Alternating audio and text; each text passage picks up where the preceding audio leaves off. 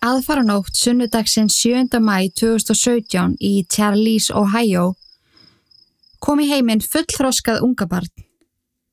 Fæðingin átti sér ekki stað inn á spítala með umsjá fagaðila, heldur fórum fram inn á baðherbyggi Richardson fjölskyldunar. Brúk Skælar, alltaf kölluð setnanafninu, fætti barnið aðlein á meðan fóreldra hennar og yngri bróðir sváfu vært. Það að verða mamma svona ung hrætt hana meira en nokkuð annað. Þörfennar á ást, samþyggi og líkamleiri fullkomnun yfirtókana og átti ákröðunar þessa nótt eftir að eldana það sem eftir var á lífennar.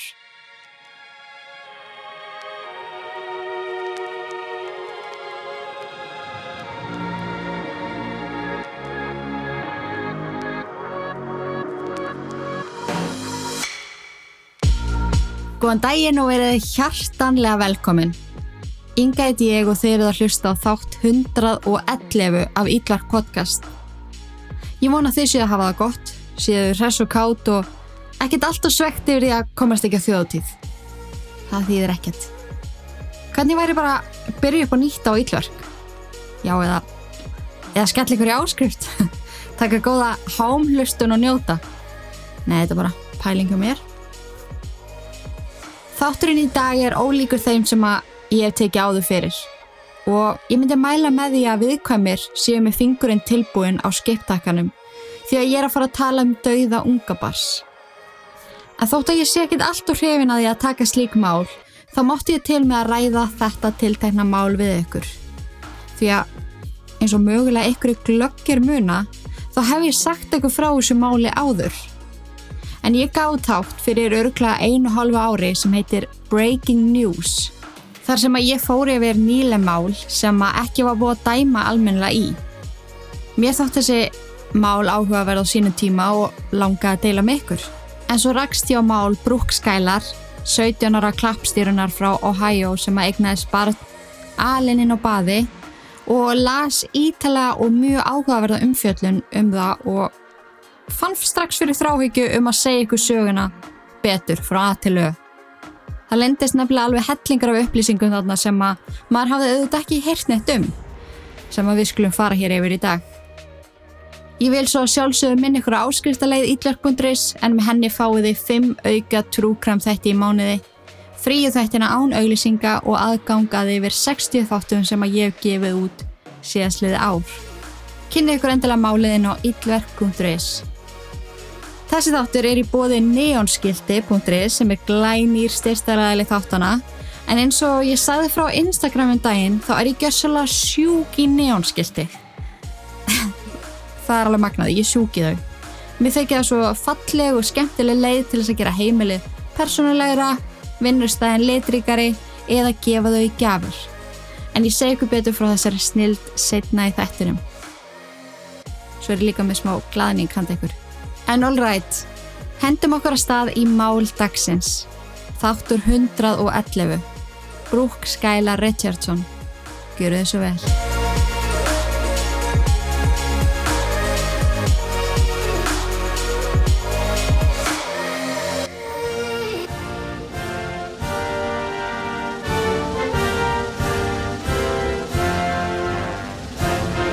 Við höfum öll heyrt um The American Dream hafmyggjusamlega gift hjón, stabíl og vel launu vinna, heilbrið börn sem að eiga framtíðina fyrir sér. Stort og staðilegt húsi í rólegu og fjölskylduvænu hverfi, gæludýr, yfirleitt hundur með demantál. The American Dream lísti Richardson fjölskyldunni mjög vel. Því nákvæmlega svona, eins og ég var að lýsa fyrir ykkur, sáu aðrið þau. Scott og Kim Richardson höfðu verið gift í yfir 20 ár. Áhugamál þeirra voru að spila gól saman, fara í fjallgöngur og hjólaferðir. Saman áttu þau hérna 18 ára gamlu Brooke Skylar sem var alltaf köllu Skylar og 16 ára gamla Jackson. Enganir Skylar í skólanum voru framúrskarandi og stemdu ná að fara beint í háskólan í Cincinnati eftir útskrift og mentaskóla. Mörgum þóttu ótrúlegt hversu vel hún stóð sig í námunum miða við það hvað hún eitti miklum tíma á æfingum. En á hverjum einasta degi frá 4-6 æfði hún dansrútínu með klappstýru liði skólans. Skæla var smágerð og lágvaksinn með mjög síkt og ljóst hár. Skanna kvittbrós og ljómandi húð, en það hugsaður hún ekstra vel um húðina bæði kvölds og modna. Hún er í frábæru líkanlegu formi, en það þurft hann að vera létt á fæti svo hægt vera kastinni lengst upp í lofti klappstýru dansónum. Svipað hluti mátti segja um Jackson, bróður hennar. En frá fyrsta ári í mentaskóla var hann talin myndalegasti strákur skólans. Þá þótti allavega mjög mörgum stelpum sem að skrifuðu nafni að þessi stílabækurna sínar. Hann var fyrirliði fókbóltaliðsins og þótti virkilega efnilegur. Líkt á með sýstur hans voru enganir hans framúrskarandi þráttur að æfa mikið og eigða miklum tíma með vinum sínum. Skott og Kim voru alveg einstaklega stolt af börnunu sínum. Ekki amelegt að eiga bæði myndaleg og klár börn því að yfirleitt eru þau nú bara annað kvart Nei, ég segi svona Þið vild að börnið þeirra fengju það besta út í lífinu bestu mentunina, bestu atunutækifærin og bara einskoða framtíð og þau mögulega gáttu veitti Fjölskyldan fór svo saman í kirkju hvern einasta sunnudag og genguð svo saman á veitingastað og fenguð sér hátægismat en þetta hafðu þau gert frá því að Skylar og Jackson myndu eftir sér. En ef við eigum að vera alveg hrinskilinn, þá er ekkert svona fullkomið. Oftar en ekki fylgir féluleikur svona mikill fullkomnun. Það að koma vel fyrir verður svo mikilvægt, eitthvað sem að mun smitast yfir á börnin sem fara líka að leggja mikið upp úr því að þau séu álitinn fullkominn. Það er upplýsingar sem að ég komst að eftir að hafa lesið ítala um þetta mál var að það voru hræðilegi hlutir að eiga sér stað hjá skælar. Eitthvað sem að fóröldræðina voru meðvitaðir um og höfðu verið meðvitaðir um síðan hún var 12 ára gömul. En skælar þjáðist að búlemju eða lótugræðki sem er mjög alvarlegur geðsjúkdómur. Lótugræðki er ádröskun sem að enginnist af óhóflugu átifólks í enduteknum lótum. Að lókinni hverju lótu er reynd að reynsa burt hitaeiningarnar sem að neitt var. Til dæmis með því að framkalla uppköst eða nota hæðalósandi lif. Í lótu áti borða sjúklingar óeðlilega mikið magna af hitaeininga auðugum mat á skömmum tíma. Eftir átið fyllist fólkið þunglindi og samvinskupiti. Uppkastum eða hreinsuninni er ætlað að draga úr þessum tilfinningum og áður en maturinn næra meldast. Kim tók fyrst eftir því að hegðun dóttur hennar fór að breytast um tíu ára aldur. Hún tók eftir henni standa fyrir framann speilin og klýpa sér í magan. Hún spurði ítrekkað hvað hún geti gert til þess að verða mjó og hrættist mat eins og heitan eldin. Hún var sérfræðingur í að lesa og umbúður matvæla og neytaði til dæmis tiggjóið því að kalóriur lindust þar. Hún átti það til að fela matið sinn sem henni var gefið og borða hann síðar eða hendunum. En þegar henni fannst þú neyðast til að borða, til dæmis ef að fjölskyldan fór út að borða eða hjælt matabóð, þá kasta hann upp matnum áður hann náði að meldast. Um 13 ára aldur þá fór hún að borða í svona lótum eins og ég lísti hérna áðan. Svo ákunnum tímapunktum þá varð hún svo svöng og þráin að borða og verða sött var svo mikil að hún stoppaði ekki fyrir henni var orðið ílt í maganum og þá fekk hún sektakent, fannst hún ógeðsleg og kastaði upp matnum. En af hverju gerir fólk þetta, þá sérstaklega börn? Það hlýtur að vera eitthvað í umkörunu sem að ítir undir þessa brengluðu hugsun. Fyrst þegar ég skoðaði þetta mál, þá áttaði ég ekki alveg á því hvað var að hjá skælar. En eftir að gögnina voru gerð ofinber og til dæmis SMS á milli skælar og Kim mömmunar og það var reykið úr lífsuga hennar gardinnar svo hægt var að verja hann í réttasal fyrir það sem hann átti svo eftir að gera. En þá komst ég að ræðilegum og sorglegum upplýsingum.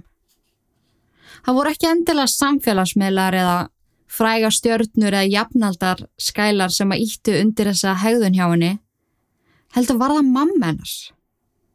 Með ótrúlega brengluðum samskiptum og kröfum til dóttur sinnar gerði hún hann að háða því að þóknast sér.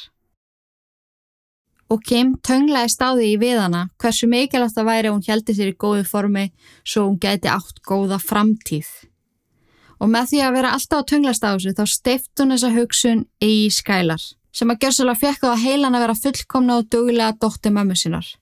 Hún ótaðist það með öllu hjarta að ef hún væri ekki fullkomin myndi mamminar hætta að elskana.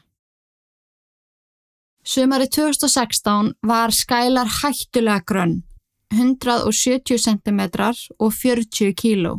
Þrátt fyrir að mega alls ekki letast meira þá var hún ekki sátt. Hún vildi tóna sig meira, missa meiri fytu hér og þar, en þetta sumar þá kynist hún strák sem heitir Trey Johnson sem að hún var mjög hrifin af og hann af henni. Þau voru nær óaðskiljanlega allt sömarið og virtust mjög hamingusum. Eftir um að þrá mánuði saman þá sofaði saman. Fyrsta skiptið þeirra begja. Skælar var ekki komin á getnaðavörn þar sem að hún ætlaði sér alls ekki að sofa hjá fyrir ná brúðköpsnóttunni sinni og hún vildi alls ekki taka sensin á því að verða ólétt. Því ef hún erði ólétt þá verði hún feit, húðin slitinn og lífið væri gjörsanlega ónýtt. Hún var eið út í sjálfa sig og trúði valla að hún hafi left losta eiðilegja framtíða plönin sín og sett sjálfa sig í slíka hættu. Í huganum kent hún Trey um þetta. Hann hafi þrýst á hana, verið stanslista að kissa hana og gera hana spenta. Þar til hún gati ekki hamið sér lengur og let undan. Hún ákvað, án þess að ræða við nokkund mann, að loka algjörla á Trey því hún vildi alls ekki að þetta kemi fyrir aftur. Hún blokkaði hann á öllum samfélagsmiðlum, svaraði hann ekki síman og hunsaði hann í þau fáu skipti sem hefði mættust á förnum vegi. Og hann skildi ekkit hvað hann hafi gert henni. Hans upplifun var að kynlífið hafi verið ákvörðum þeirra begja, þau hafi meira sér sagt ég elska þig eftir á. Vinir Trey kvött hann til þess að láta hann að eiga sig. Þetta væri ótrúlega batnilegt af henni að loka svona á hann. Kanski var hún að tala við annan gaur eða hafi bara verið að nota hann til þess að missa meituminn. Það komi upp einar ímsu getgátur, en treygurinn að ekki að skælan hafi lokað á hann því að hún var svo hrættum að þau myndi sofa saman aftur. Hún var svo hrættuð að verða ólétt og hrættuð að eiðalegja líkama sinn og lífið sitt. Það eina sem hún vildi var að vera grönn og líta eins vel út og hún mögulega gatt. Eitthvað sem að mamma hennar ítti undir. Hún var ekkit sérstaklega að spyrja hana af hverju það hættu saman. Heldur keift hún ræktakort handa skælar og kvart hana til að taka útliti sínu alvarlega, komaði í rútínu að reyfa sig og borða eftir prógrami. Þetta væru árin sem að stelpur fytnið oft og hún þurfti að passa sig. Á meðan skælar hafði ágjörði hvernig hún leiti út, grunaði hann ekki að hún væri nú þegar orðin ófrísk og treyf af happin eitthvað sem hún átti ekki eftir að koma stað fyrir mörgum mánuðum setna. Það eru örgulega margir sem að hugsa það sama þegar þeir heyra orðið neonskildi, svona open and close skildi á pubum eða risavaksna kúrikaskildi í Las Vegas. Mér finnst neonskildi svo ótrúlega miklu gleðigjafar og þurfu ekki að vera bundin því að auðlýsa eitthvað eða segja til hvort að eitthvað svo opið að lokað. Ég fekk mig til dæmis neonskildi fyrir ofan hjónarómi mitt og á því stendur To the moon and back. Svolítið væmið. En þetta er svo geggjað til þess að gera heimilið persónulegra, vinnustæðin litríkari og líka alveg fáralega góð gjöf til eitthvað sem að á allt. Nýverið opnaði heimasíðan neonskildi.is. Það sem er einstaktu þá síðu er að það er meira í bóði en stöðluð skildi Þú getur látið búa til þína eigin texta, hvort sem það er á íslensku eða ennsku. Ég var til dæmis að panta mér Ítlark podcast sem ég ætla að hafa inn í stúdjó hjá mér. Hversu töff væri til dæmis að setja neonskildi inn í barnherbyggi með nafni barsins. Þú getur valið um letur, starf, lit og festingar og það eru bara alveg fáralega margi valmöguleikar og mér langar að hvetja þig til þess að kynna þig málið. Ég er líka ansikluð að tilkynna að hlustendur Íllverk podcast á 5.000 kr. afslátt af öllum skiltum út ágúst sem er nú ansikuðu dýl. Endilega kíkja inn á neonskilti.is Prófið að búa til ykkar eigi skilti og nota svo kóðan INGA5000 á á greiðslu síðunni. Gerðu umhverfið litríkara. neonskilti.is Í janúar 2017 sem var jáfnframt upphafið á loka ári skælar í mentaskóla byrjaði hann að hitta annan strák sem heitir Brandon Saylor. Hann er myndalegur, klár, með framtíða sín og metnað. Kim, mamma skælar, var alveg gríðala ánað með nýja kærast og dóttur sinnar. Hún var fljóta að bjóða fjölskyldu hans í mat og bjóða hann velkomin í fjölskylduna. Skæla leið á þessum tímapunkti alveg ótrúlega illa með sjálfa sig. Verra en vanalega. Henni fannst hún vera búin að bæta á sig og var gjörsalega heldtekinn að því hvað hún leti ofan í sig og hversu margar kaloríur fóru inn og út úr líkama hennar daglega. Í stað þess að hvetja dóttu sína til dáða, vitandi sögu hennar um ádröskun, ítti mammanar undir óörugjennar með því að bendinni ítrekkað á aukakílóin. Ef hún passaði sér ekki, myndi hún missa tökinn. Hún yrði að reyfa sér meira og passa hvað hún borðaði. Því Brandon átti skilið að vera með stelpu í topp formi. Skæla fyrir þarna að senda mömmu sinni SMS daglega eftir æfingu. Speikla mynd af sér á hlið sem að syndi beran maga hennar. Hann var svo grannur og innfallin. Hún deildi í með mömmu sinni hversu marga kaloríur hún hefði brent í rættinni og mammenar, stolt að dótturina var að gera eitthvað í sínum málum, svaraði með þeim skilabúðun að hún væri stolt af henni. Bráðum myndi hún líta fullkomlega út og Brandon ætti þá eftir að verða ennþór hryfnari af henni. Maður skilur ekki alveg hvað er í gangi í höfði mömmu hennar. En hún taldi sér trú um að hún væri að hvetja dóttu sína. Þetta hefði jákvæð áhrif á hennar. En í rauninni var hún að gera skælar ennþá háðarði að borða ekkert. Reyfa sér stanslöst og þráða enn meira að mamma sín væri stolt að sér. En það sem að þær vissu kvorugar var eini skælar óks og dapnaði lítið barn, sem að fekk litla sem enga næringu frá móðu sinni. Þráttur að vera komin sex mánuð á leið, sást alls ekki á skælar og hún var ófrísk.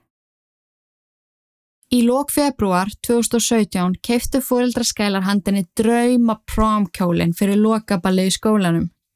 Ótrúlega fallegan rauðan marmit fitt kjól, þakin palléttum og ef að þið viti ekki hvað marmit fitt kjóll er þá er það kjóll með pilsi sem að þrengi svona það fer, verður þrengra því lengra sem þú fer nið, niður á fætunar fattiði mig, svona íþrengist niður, eins og gullrót en ég skal líka setja mynd af kjólnum á Instagram en efri hluti kjólsins var hlýralaus og þurfti að strekja honum aftar á með böndum mjög svipað og korselett kjóllin var dásalögur og skælar algjörlega glæsileg í honum en henni fannst það ekki Henni leiði eins og vakjum pakkuðu bjúa. Þegar maður skoða myndinar, myndi maður aldrei trúa því að hún væri komin sjö mánu að leið. Um meðan mars báð mömmu sína að panta tíma fyrir sig hjá hvern sjúkdómalækni svo hún geti byrja á pillunni. Það var líka komin mun meiri alvara í samband hennar og Brandon og henni langaði að sofa hjá hennum en vildi alls ekki taka henni að sjensa. Mammina var sammála en það myndi það að vera ólétt, eiðilegja lífennar, tegja á líkamannar sem hún hafi unnið svo hart fyrir. Kim pantaði tíma hjá kvannsugdómalækninum sem hún hafi farið til síðust ár og fekk skælar tíma þann 27. april 2017. Þann 25. april leið skælar ótrúlega undarlega en síðustu daga hafði hún tekið eftir maga sínum breytast. Pínu lítil kúla hafði myndast og laumuðu staðinni þær grunnsemtir að kannski væri hún ólétt. Hún var heldur ekki búin að fara á blæðingar sem var ekkit endilega óvanalegt hjá henni en frá því hún byrjaði á kynþrásaskeiðinu höfðu blæðinga verið mjög óræklilegar vegna ádröskunarinnar. En, en þar koma alltaf inn á milli en þarna hafðu þær ekki gert það í langan tíma. Skælar hugsaði tilbaka. Hún svaf hjá trey ánsmóks og var ekki á getnaðavörð og hún svitnaði við tilhugsinina. Það sem hrættana líka voru sögur af konun sem hefðu fittna svakala eftir að það byrja á getnaðavarnapillunni. Hvað ef að það myndi gerast fyrir hana? Hún myndi missa stjórn á líka með sínum og öllum fyndist hún ógeðsleg. Mammanar eru svo vonsveikin og myndi hætta að elskana. Kim tók alveg eftir því að Skæla var mjög utan við sig og var við það að fara að gráta. En Skælar þorði ekki að segja mammu sinni sannleikan og hvað hún óttaðist í raun og veru. Svo hún sagðist vera leiði við því að líta illa út í promkjólnum. Kim sem hafði þarna gulli tækifæri til þess að vera til staðar fyrir dóttu sína og uppbyggjandi hátt, stiftaði ennfastar í huga dóttu sínar hvað útlitið skipti miklu máli og hvart hana til þess að æfa meira. Hún hafði nú ennþá nokkra viku fram að lokaballinu. Hún myndi auðvelda að ná af sér þessu auka skvappi. Hún bætti líka við að pappinar hefði meira svo að tekið eftir því að hún væri búin að fitna og þá var nú mikið sagt því að hann tók aldrei eftir slíku. Skælar er að gjöra svo vel að taka málinni sínar hendur. Hún yrði að líta vel út fyrir Brandon. Skæla nefndaði mömmu sína að kannski væri ekkert sniðuft að fara á pilluna því að hún gæti fitnað. En Kim var ansi fljóta að þakka niður í áhugjum hennar. Hún yrði bara að vera meðvituð og passa sig því hún yrði að fara á getnaðavörn því það að vera ólettur, svona ungur, myndi rústa öllum framtíðaplönum hennar. Það yrði ekkert úr henni hún myndi ekki geta að fara í háskóla, þetta væri allt saman búið. Þar sem að Skælar var orðin átjónara, þá hingraði mammanar eftir henni út í bíl á meðan hún fór inn til kvennsjúkduma læknisins. Hún neytaði leghálskoðun því að hún var svo ótrúlega stressuð og skalf. Læknirinn sagði að það var í lægi þetta sinn en næst þegar hún kemi yrði að framkoma leghálskoðun. Skælar samþýtti það og fór og skilaði inn þvápröfu. Á meðan það var beð eftir niðurstöðum rættu hún og læknirinn saman um bestu getnaðavörnina fyrir skælar. Það leiði ekki löngu þar til að hjúgrunafræðingur komin á stofuna og rétti lækninum niðurstöðunar. Það er alltaf tekið þungunapróf þegar kona fer á getnaðavörn því að nótgun á getnaðavörn á meðan þú ert ófrísk getur skada fóstrið. Þegar niðurstöðunar komu út í jákvæðar, kanselaði læknirinn getnaði að lifja livsæðlinum og breytti algjölum stefnu spjalli sínu við skælar. Hún gjörsanlega brotnaði saman þegar læknirinn sagðinni að hún væri ófrisk. Hún sagðist ekki vilja vera ólétt. Hún vildi alls ekki þetta barn. Læknirinn var orðlaus yfir niðurstöðunum því að það sást nákvæmlega ekkert á henni að hún væri ófrisk. Í snemsónum sást fóstur og eftir mælingar komi ljós að Skælar var gengin 32 vikur og leið. Skælar grátt baða læknin um að hjálpa sér. Þetta mætti ekki gerast. Fórildrannar mættu alls ekki vita þetta. Þau myndu afneitinni. Læknir er reyndi að róa hana niður. Hún væri orðin átjónar á gömul og þetta væri því hennar að deila með fórildri sínum. Hún sagði hann að börn veru blessun og oft myndu amman og afinn mildast þegar þau sæju sónamynd af litla einstaklingnum.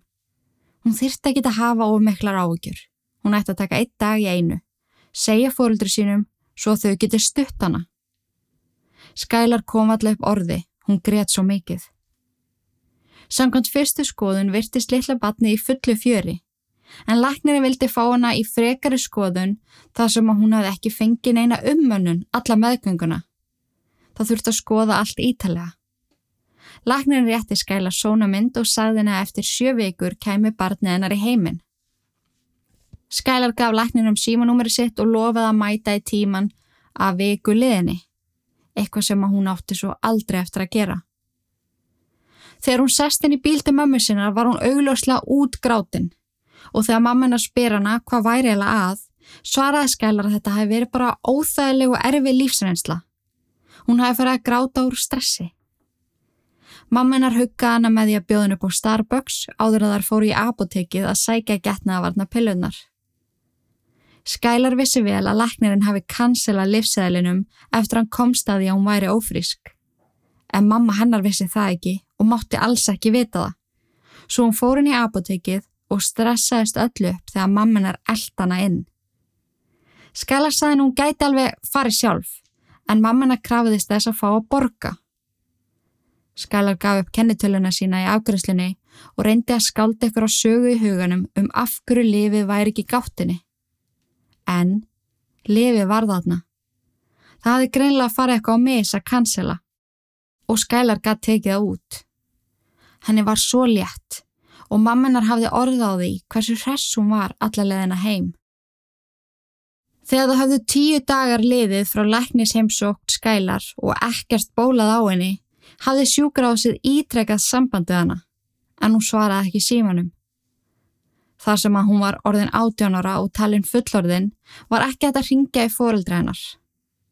Það var því ákveð að senda henni e-mail og þar brínt fyrir henni hversu mikilvægt það væri að hún kæmi í skoðun. Fyrir mistök sendi læknirinn e-mail á mömmu skælar en einhvern veginn hafði e-mailið hennar skæla verið linka við nafn Kim í kerfinu. Skælar var í skólanu þegar Kim fekk e-mailið sem að sendi dóttu sinni strax SMS. Í því spurði hún hana hvað í fjandanu væri alveg gangi. Skælar samfærið mömmu sína um að þetta væru mistök. Hún væri búin að vera að taka pilluna. Hún gæti tjekka á pilluspjaldinu, eitthvað sem að mammuna gerði. Og það var rétt hjá henni. Skælar hafi tekið pillunar samviskur samlega á hverjum einasta degi síðan hún kom staði að hún var ólétt. Mamma trúði henni að lokum og var gríðalega létt. Hún sendi henni SMS. Þú hrætti mig þarna. Ég sá fyrir mér lífið trinja og framtíða plöðniðin hverfa. Maður getur rétt ímynda sér hvernig skæla leið að fá þetta SMS frá mömmu sinni sem var basically að segja henni að hún væri einskís virði. Hún vissi samt að á einhvern tímapunkti þá yrði hún að segja fólkdri sínum því að það færi ekkert á milli mála að allt í einu væri badmætt á svæðið. Skælar ákvað þó að segja ekkert fyrir en eftir lokaballið því hún vissi hvað skipti mömmuna miklu máli að fá myndafinn í rauða prám kjólnum. Þegar loksins kom að stóra deginum tók engin eftir örsmáu ólettukúlinni undir nýð þrönga paljettukjólnum hennar skælar. Hún fór í hárgreðslu, förðun og mammanar tók myndir af henni og kærastanum hennar. Skælar var ansið stolt að sjálfa sér á þessu augnabliki. Mammana táraðist og gleði af því að sjá hana í kjólnum en hún ótaðist með öllu hjarta að hún myndi hætta elskana um leiðum kæmi staði hún var ólétt. Þegar lokaballi var hálnað fór Skælar að finna fyrir hræðilegum verkjum. Hún gat valla staðu upprétt. Hún reyndi þó að dansa sér gegnum sársökan og vonaði að enginn tæki eftir því hversu kvalin hún var. Þar sem að hún hafði mjög litla þekkingu á meðgöngu og því sem henni fyldi og hafði auðvitað ekki fengið neina ummönnun og kennslu á alla meðgönguna, átta hún sér ekki á því að verkefni sem hún fann var byrjun á hríðaverkjum. Dægin eftir ballið var líðan hennar enþá verri. Verkefnir voru óbærilegir. Hún hjælt sig inn í herbyggin er allan daginn og andaði sig í gegnum þetta. Um kvöldið reyndi hún að sopna en það var ekki sjens að hún gæti það. Rúmlega þrjú um nóttina fer hún inn á bað og sest á klósettið og skindilega fær hún þessa miklu þörf fyrir að rempast.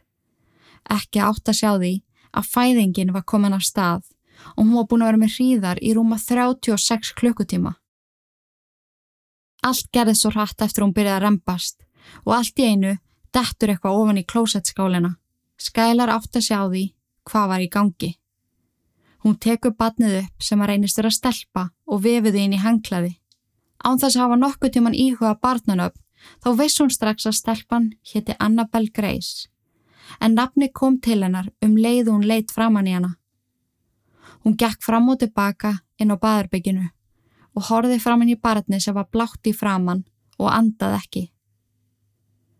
Skælar hafði séða í bíomindum að vanilega gretu börn hátt um leiðuðu kem í heiminn, en það gerði Annabelle ekki.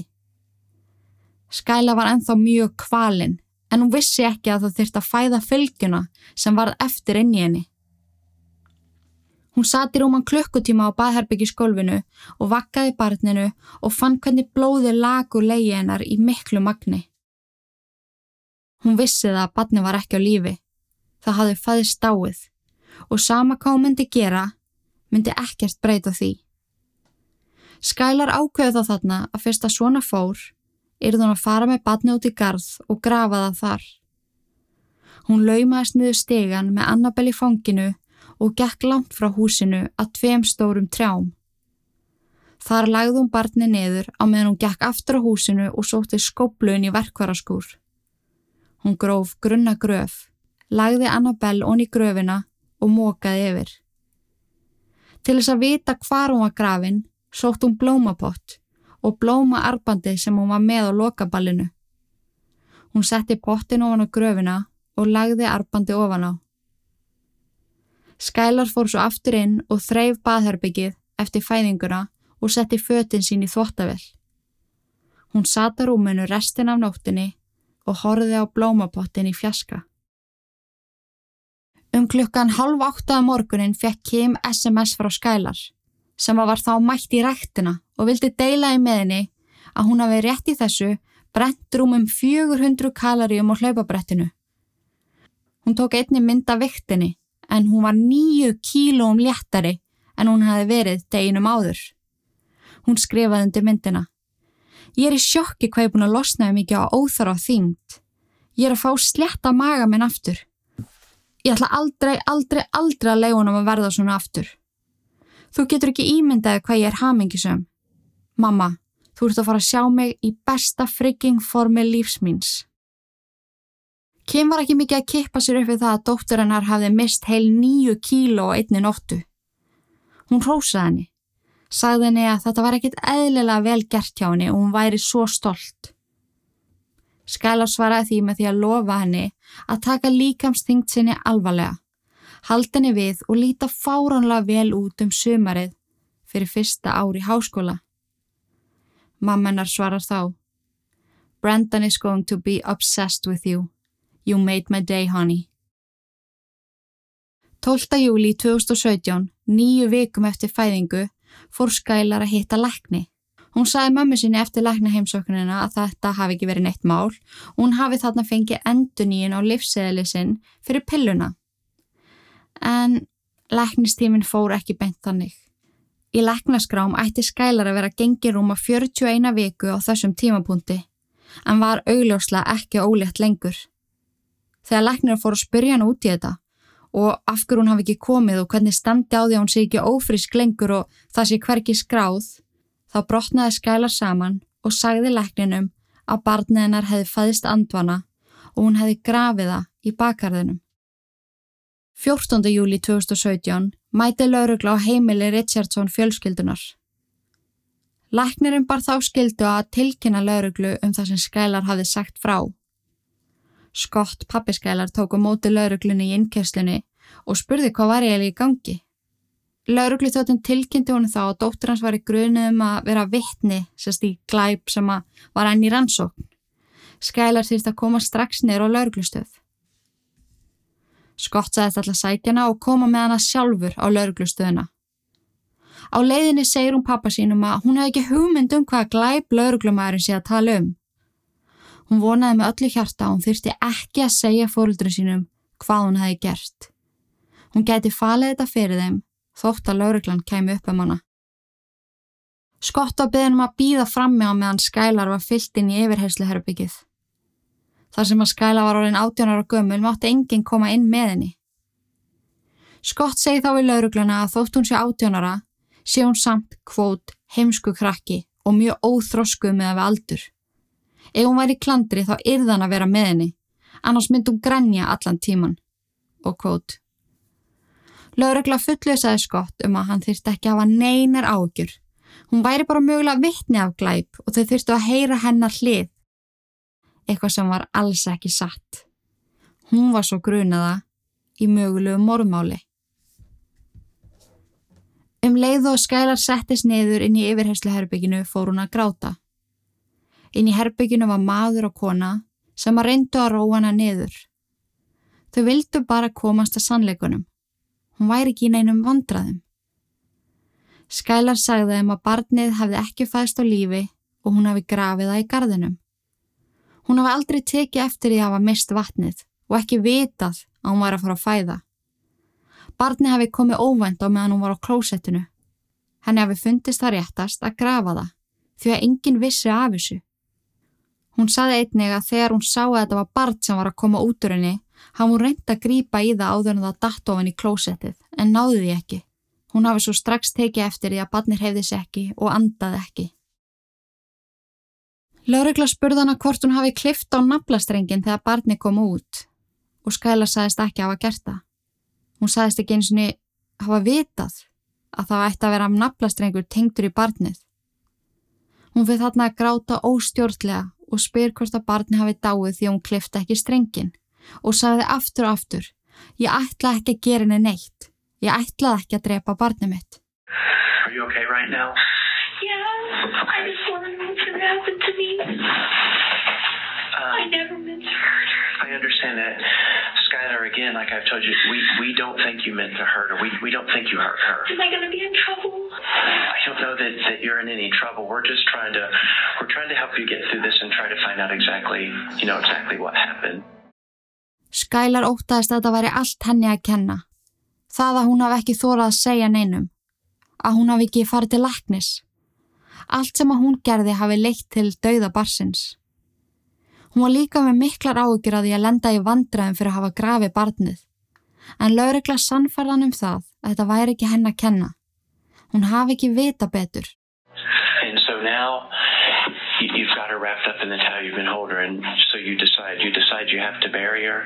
Why do you decide you have to bury her? I couldn't tell anybody. Because you hadn't told anybody, and you still Yeah. didn't want to tell anybody. really bad? I didn't. I love No, I didn't it's, it's just, it's not for us to say, Skylar, it's not for us to say it's really bad because we're not, we're not trying to judge you or do anything like that, okay? Are you to put me in jail because of Yeah. that? No, I'm, I'm not, that's not why I'm here today to try to put you in jail. We're still, all we're trying to do is find out, we're still just trying to find out what happened, okay? And, um, so you decided you needed to bear because obviously it's the proper thing to do. I mean, every every person, even a baby at 34 weeks roughly, everyone deserves a burial, right? She deserves better. Yeah, I mean, she- deserves- well, a lot of times people are in a situation where they may deserve better. You know, you probably deserve you deserve better than to be all by yourself on this, but you know, we don't always get a have a say so in what what life hands us. So, so you, you decide you got to bear because it's the right thing to do, and it's the best thing. If you're not going to tell anybody, it's probably the best way to do right by her, right? I mean, and you want to do right by her Yeah. um, which that is very noble. I mean, I I get that, and it, it says a lot about you because even going through that and how awful it is, you want to do the right thing, even though I'm sure your heart was probably torn out, absolutely torn out, but yet you still want to do the right thing. Í gegnum alla yfirheysluna bað Skælar afsökunar á því að hafa grafið barnið og spurði ítrekað hvort að þau sem að yfirheyrðu hana væru reyð út í hana. En þau voru ekki hana til að dæma hana. Þeirra hlutverk var að finna út hvað kom fyrir og hvort hún hafi reynd að framkvæma fóstureyðingu sjálf. Skælar saði aftur og aftur að barnið hefði fæðist dáið og hún var í vissum að fóruldrænar myndu ekki elska hana lengur. Hún var gjörsanlega með þá að heilanum að fá samþyggi frá öðrum. Hún gæti ekki hugsa sér að eitthvað veri reyður eða vonsvikin. Þessi þráhyggja hjá henni skín svo verulega í gegn þarna. Did you get birth control pills when you Did you take any of those? Yeah. I, I didn't think it was going to hurt. Okay. How many of those did you take? Just a little of them. Just like the days I was supposed to. All at once? No, no, no, no. The, One the day per I- day? yeah. Starting on April 26th? Uh, the day they were prescribed. Okay. I, that, was- I didn't think that was going to hurt them. Okay, all right. I'm just asking questions. Do you remember what kind of pills they were? Just birth control pills. You don't remember what kind. Is this the first time you went on birth control? Yeah. Okay. I never meant to kill my baby. I didn't do it on purpose. I I didn't. understand. I understand. Listen, just relax, okay? I, like, I don't want to go to jail. I know you don't. Just relax, I don't have to okay? go to jail, though, right? Listen, I understand that you're that you're sorry, and I understand that you're upset, and I understand that you didn't want this to happen. Okay, just take some deep breaths. Okay, things will be I okay. don't have to go to jail. You're not going to jail. Eftir rúma 6 klukkutíma af yfirheyslu mátti Skælar hitta foreldra sína sem voru orðin verulega áhyggjufull og skildu ekki út á hvað þetta gekk. Konan inn í yfirheyslunni tók utanum Skælar sem var ekkert annað en ótrúlega brotin og ringlaður úrlingur. Heldtegin að því að gera foreldra sína stolta af sér. Hún saði henni hversu ótrúlega mikilvægt það væri að hún segi foreldra sínum sannleikan. Þú ættu rétt á að vita þetta. Fóruldrum hennar var svo bóðin í yfirhersluherbyggið og þeim gefið rými til þess að ræða saman. Samtalið er allt saman tekið upp þegar skælar segið þeim alla sólar söguna. Það sem að þykjur þó ótrúlegast við þetta allt saman er hversu ótrúlega brenglaðar aðtjóðasendir mammunar kemur með.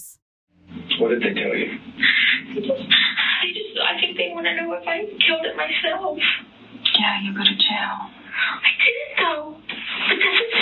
I know. You know, but they can't tell that. I know. I promised them I didn't do anything.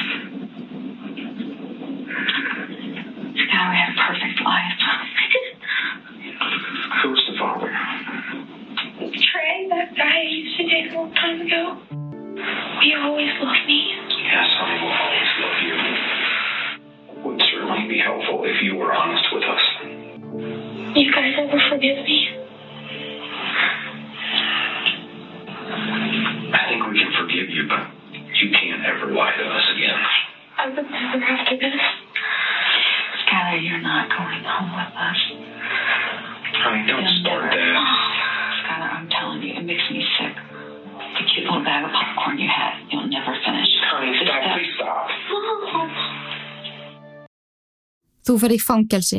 Þú áttir fullkomi líf. Brandon mun hætta með þér. Þú drafst batni með getnaðavatna pillunni. Þú fer í fangelsi fyrir morð. Mér er óglatt út af þér. Þú ert ekki að fara að koma okkur heim. Þú mynd aldrei klára skóla. Þetta er allt eitthvað sem hún segir. Skott beður konuna sínum að stoppa.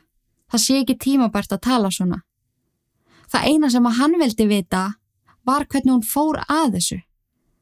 Hvernig gátt að fara fram hjá honum að hún hafi verið ófrísk og honum fannst hræðilegt að hugsa til þess að hún hafi fætt barn alein um miðja nótt. Skælar segir honum að eina ástæðan fyrir því að hún hafi ekki sagt þeim var því að hún vildi ekki valda þeim vombriðum og bætti svo við.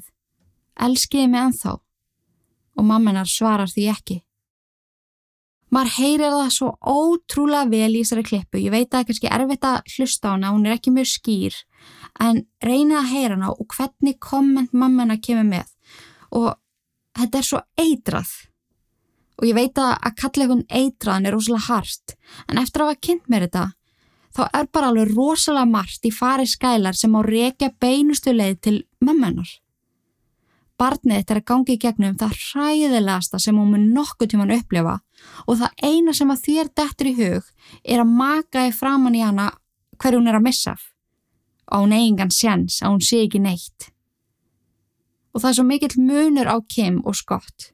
Hann er í sjokki yfir því að hún hafi þurft að gangi gegnum þetta allt saman einn og efaði stórlega um sjálfa sig sem fóreldra. Það sé hræðilegt að hún hafi í alvörinu verið það hrætt að hún gæti ekki sagt þeim á meðan Kim sagðist vera óglatt yfir henni. Veist, þetta er svo rugglað, þetta er svo mikið svart og hvitt. En Skylar fekk að fara heim með fóreldrun sínum þennan dag. En næstu vikuna var unnið í því að sækja líkið á barninu í bakarðinu sem var þarna orðið að beinagrind. Það var reist pínulíti tjald yfir gröfinni á meðan fíngerð og viðkvæm beinin voru tekin upp á moldinni. Slettri viku eftir fyrstu yfirheysluna var óskað eftir að Skylar kæmi aftur upp á lauruglustöð því að þá þyrfti að spyrja hana fleiri spurninga. Scott spurði ítrekka hvort það væri ekki betra fyrir hana að hafa lögfræðing sér við hlið svo hún geti svara fleiri spurningum. Hún væri mjög brotætt og svaraði oft því sem að fólk vildi heyra. Ef hún erði fyrir ómikilli pressu gæti hún sagt ósatt og hann sagði þetta ítrekka við lauruglu. En laurugla sagði að það væri óþarfi, það þyrtti ekki strax. Þetta væri mjög léttar spurningar og mikið af endutekningum. Svo Scott fekk ekki lögfræðing til þess að setja með henni. Svo voru mjög stór mistök. Lauruglan lög beint í andlitið á honum. Þetta voru alls ekki léttar eða enduteknar spurningar. Þau voru með ný sönnunagögn í höndunum og markmið þeirra var að fá skælar til að viðukenna þessi sönnunagögn. En Bein Annabelle höfðu verið rannsökuð mjög gróflega og sérfræðingarnir sem rannsökuðu beinin fullirtu að barnið hefði mjög augljóslega verið brent lifandi og beinin bæru merki þess. Þau lögu aðeins að það væri ekki möguleiki fyrir hana nýja fjölskyldu hennar að fá líkamsleifar Annabelle til að jarða. Ekki nema hún segði sannleikan. Ef hún hjælti áfram að ljúa, myndi lauruglustöðin losa sig við beinin. Skælar styrnaði upp við þessar hræðilegu upplýsingar, en hún hafði huggað sig við það að geta gefið Annabelle fínt leiði sem að hún geti heimsótt. Hún fullirti samt sem áður að hún hafi alls ekki brent badnið. Yfir nýju klukkustunda yfirherslu sagði hún það 17 sinnum. Hún fættist andvana og ég gróf hann í gardinum og sór upp á líf sitt að það væri sannleikurinn. En laurugla sagði henni að það passaði ekki. Í krupningu hafi komið ljós, af hverju hún dó og það passaði ekki við það sem hún var að segja. Skæla var þarna ánlagfræðings og hafði ekki hugmyndum að laurugla mætti ljúa til um sönnunagögn til þess að ná fram sannleikanum. En í rauninni höfðu þau ekki hugmyndum af hverju barni dó. Það eina sem eftir var af henni var heil beinagrind. Þau hættu ekki fyrir en Skælar hafði sagt að kannski hafa hún brent barnið og grafið það svo. Hún væri bara alls ekkert viss lengur. En viku setna, eða einhvern sextugum setna, stegu sérfræðinga fram sem að hafðu rannsaka beinin og tilkynntu að alvarleg mistök hafi verið gerð.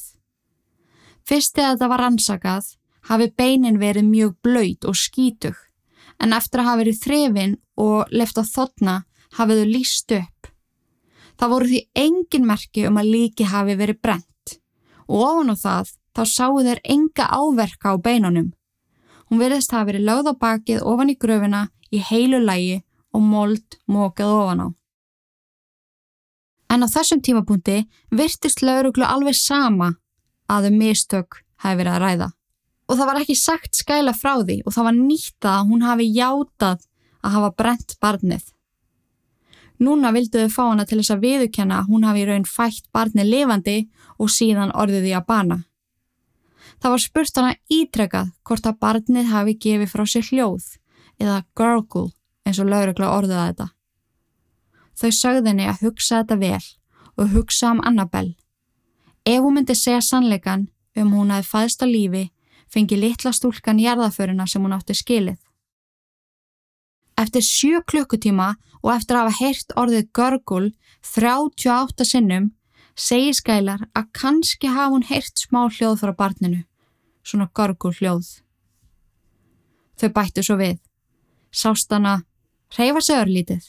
Á endanum sagði Skælar að kannski hafa hún séð höndin á henni reyfast pínu lítið en sé ekki viss því hún reyndi að horfa ekki á barnið. Hún var svo spurð hvort hún hafi ekki haldið fast utanum barnið eftir hún vafiði í handklæði. Kannski aðeins svo fast. Eftir að verið ítrekka spurð sagði Skælar að hún hafi kannski gert það. Kannski tók hún svo fast utanum hana að hún dó. Sama hvað þau sögðu, ef að þau sögðu það bara nógu oft strökunum bakið og hjælti í höndin á henni og rósið henni fyrir hvað hún var í sterkast eða sannleikan, þá gáttuðu fengið hana til þess að viðkjöna hvað sem er.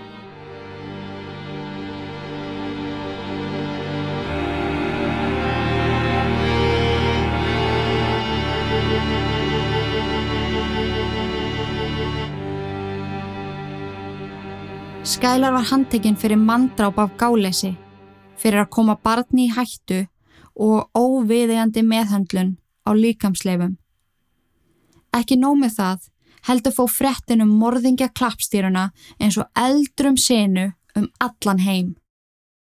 Á bladamannafundi var gert ofinbert að hún og mammenar væru heldteknar á útliti sínu. Skælar hafi látið að bytna á nýfæta barninu með því að kveiki því, aflima það og grafa það svo í bakarðinum. Eitthvað sem var alls ekki satt og engar sannanir fyrir.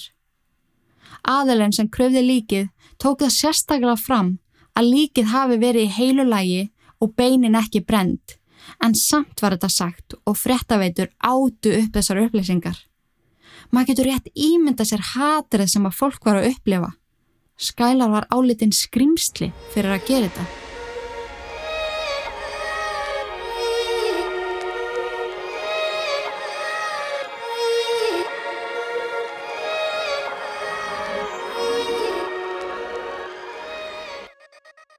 Fjórða september 2019 hófust réttahöld Skælar.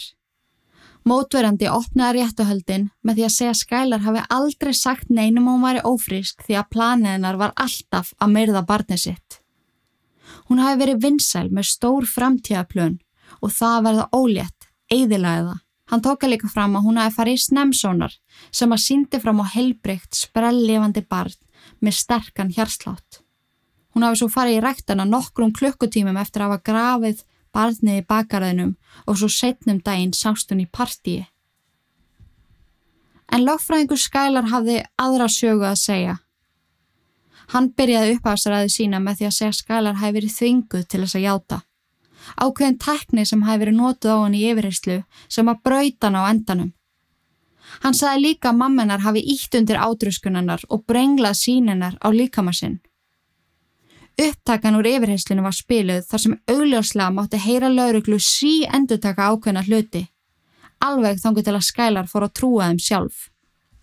Það kom einni fram að gæðleikni sem að rætti við skælar hafi greint hana með persónuleika röskun sem fólsti því að vera háð öðrum. Hún var háð samþyggi fóruldra sinna, þá sérstaklega móðu sinnar. Allir í kringum hana voru æðri henni og vissu betur. Það að standa uppi fyrir sjálfur sér í yfirheyslu var eitthvað sem að Skælar hefði aldrei gert því hún óttaðist að lauruglu myndi líka illa við sig og hún gerði það. Í yfirheyslu lísti hún sínum sannleika 29 sinnum og fór sagina svo að breytast þegar laurugla fór að íta á hana og láta hana evast um eigin sannleika. Það var einni lesu upp e-mail sem að krupningalæknir sendi saksóknara eða sérst aðilanum sem var með það markmið að fá Skælar dæmda sem skrimsli sem að myrti barni sitt. Í því stóð. Ég vissi ekki hversu mikilvæg sönnunagögg brendu beinin voru, en staðrindin er svo að ég gerði mistök. Þegar ég fekk beinin í hendunar voru þau blöyt og skítug. Þegar þau höfðu verið þrifin og látið þórna var ansi augljóst að þau höfðu ekki verið brend. Með þessum upplýsingum er ég greinilega að eiðilegja mikilvægan link í málunni gegn skælar. En þetta er staðrind. Hún brendi ekki barnið og hún aflimaði það svo sannlega ekki. Þarna komi ljós að bladamannafundurinn og svo margt annað sem hafi komið fram var ósatt. Miklu púðri var eitt í að fá skælar til þess að játa og svo staðrind hunsu að það eina sem að hún hafði í raun og veru ágjur af í yfirherslu var ef lauruglu líkaði illa við hana og hvort þeim fyndist hún vera vond manneskja. Það að sönnunagagnið með brendu beinin veri ósatt dró verulega og trúverðuleika saksóknara sem að horðu á máli hrinja beint fyrir framann augun á sér. En flestir voru á þeirri skoðun að skælar væri ofsalega brotin úlingstelpa sem að þyrti svo innilega mikla aðstóð í staðan fyrir að vera læstinn í fangelsi það sem eftir er. En áður en dómur var hveðin fekk móðir trey basfaði skælar að segja nokkur orð. En hún segir Ég og sónu minn erum bæði skil af mannesku eftir að við komist að þessu. Það var ekki bara hrifsað að mér fyrsta barnabarni mitt, heldur var fyrsta barn svona míns tekið. Hann hefur breyst síðan að komst að þessu og muna öllum líkindum aldrei komast yfir þetta. Ég sjálf hef glýntuð þunglindi og ofsakvíðaköst. Ef skælar hefði bara opnað munnin, við hefðum getað hjálpað henni. Við hefðum tekið barni að okkur. Ég hefði gert allt til þess að aðstóða. En í staðinn varð 7. mæ að sorgar degi sem mun að eilífu minna mig á fyrsta badnabanni mitt sem ég fekk aldrei að halda auðanum. Og í staðinn þar ég að senda blöðrur til himna til þess að minna Annabelle Grace á hversu mikið ég og pappennar elskum hana.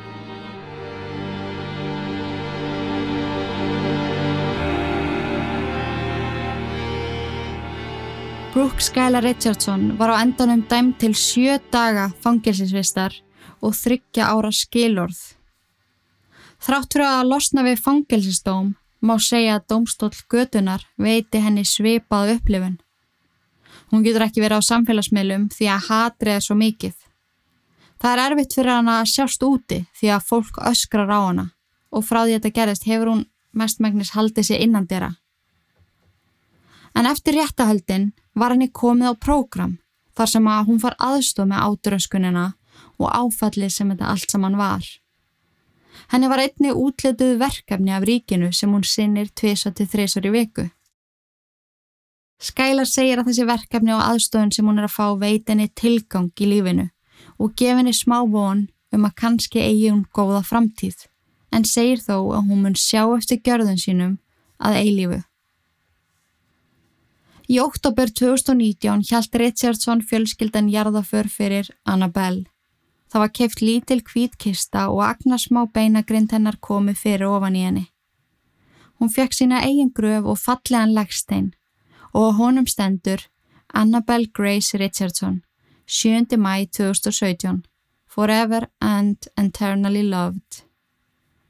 Skælar fyrir hverja einustu viku og sest hjá gröf dóttur sinnar. Hún leggur bleikan blómund hjá steinunum og talar til hennar. Minnir hann á að hún mun alltaf elskana og þá mun aldrei líða sá dagur sem hún sjá ekki eftir því sem hún gerði.